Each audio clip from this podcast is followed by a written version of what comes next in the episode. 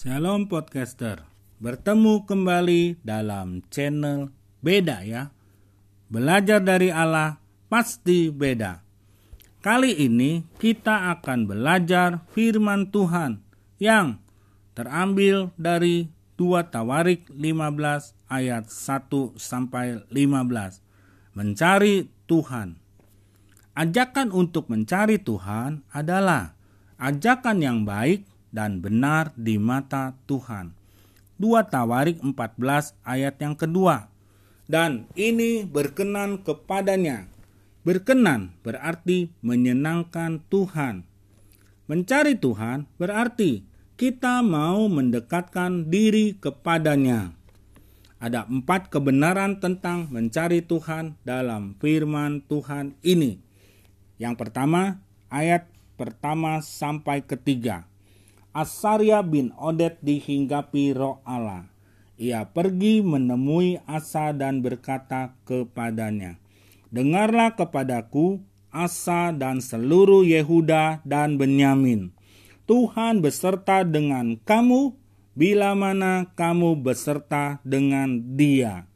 Bila mana kamu mencarinya, ia berkenan ditemui olehmu tetapi bila mana kamu meninggalkannya, kamu akan ditinggalkannya. Lama sekali Israel tanpa Allah yang benar, tanpa ajaran daripada imam, dan tanpa hukum. Yang pertama, di sini mencari Tuhan harus disertai dengan pertobatan yang sungguh-sungguh.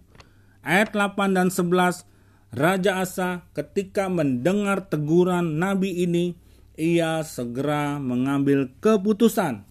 Hari itu juga tidak menunda-nunda waktu lagi untuk merendahkan diri di hadapannya. Ia mengumpulkan rakyatnya bersama-sama untuk mencari Tuhan. Ayat ke-8 di sini katakan demikian. Raja Asa menyingkirkan dewa-dewa kejijikan dari seluruh tanah Yehuda dan Benyamin dan dari kota-kota yang direbutnya di pegunungan Efraim. Ia menjauhkan mesbah-mesbah asing, bukit-bukit pengorbanan, memecahkan tugu-tugu berhala, dan menghancurkan tiang-tiang berhala. Ia membaharui mesbah Tuhan yang kedua, ayat yang kelima dan yang keenam. Pada zaman itu tidak dapat orang pergi dan pulang dengan selamat. Karena terdapat kekacauan yang besar di antara segenap penduduk daerah-daerah.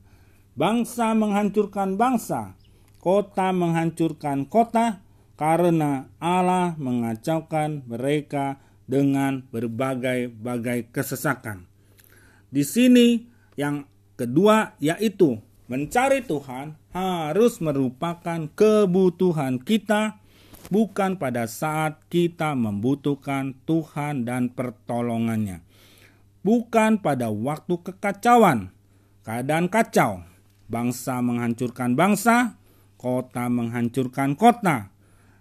Dalam keadaan perang, tidak aman, tidak ada damai, dalam keadaan bahaya, dalam keadaan darurat, dalam keadaan kehancuran, kesesakan, susah, menderita, berbeban berat, baru kita mencari Tuhan.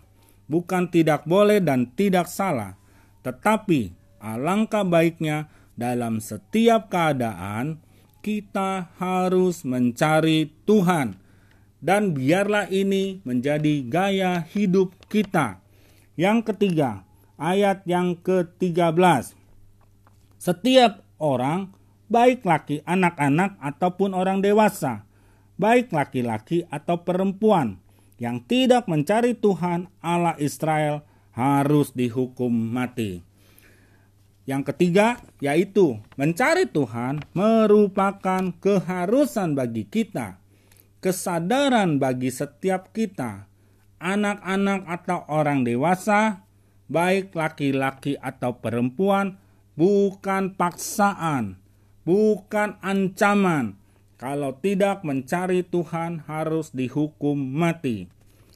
Kerelaan, ketulusan hati kita, kehendak yang bulat, perjanjian kita dengan Tuhan, komitmen pribadi, bukan dorongan dari orang lain. Biarlah kita mau mencari Tuhan.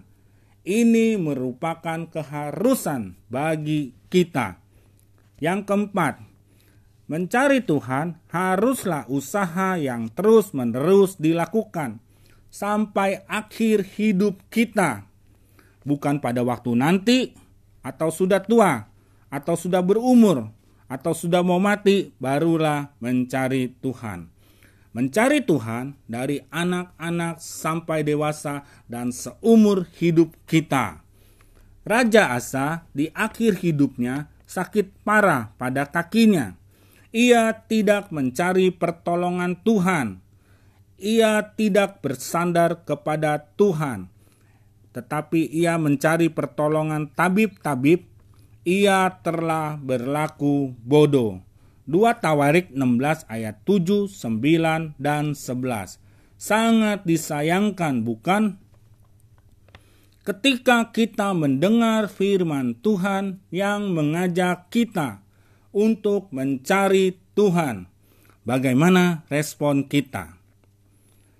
Ambillah keputusan hari ini tidak menunda-nunda waktu lagi. Kita mau berjanji kepada Tuhan, "Ya Tuhan, aku mau mencari Tuhan. Aku mau mencari Engkau sampai seumur hidup kami." Amin. Demikian.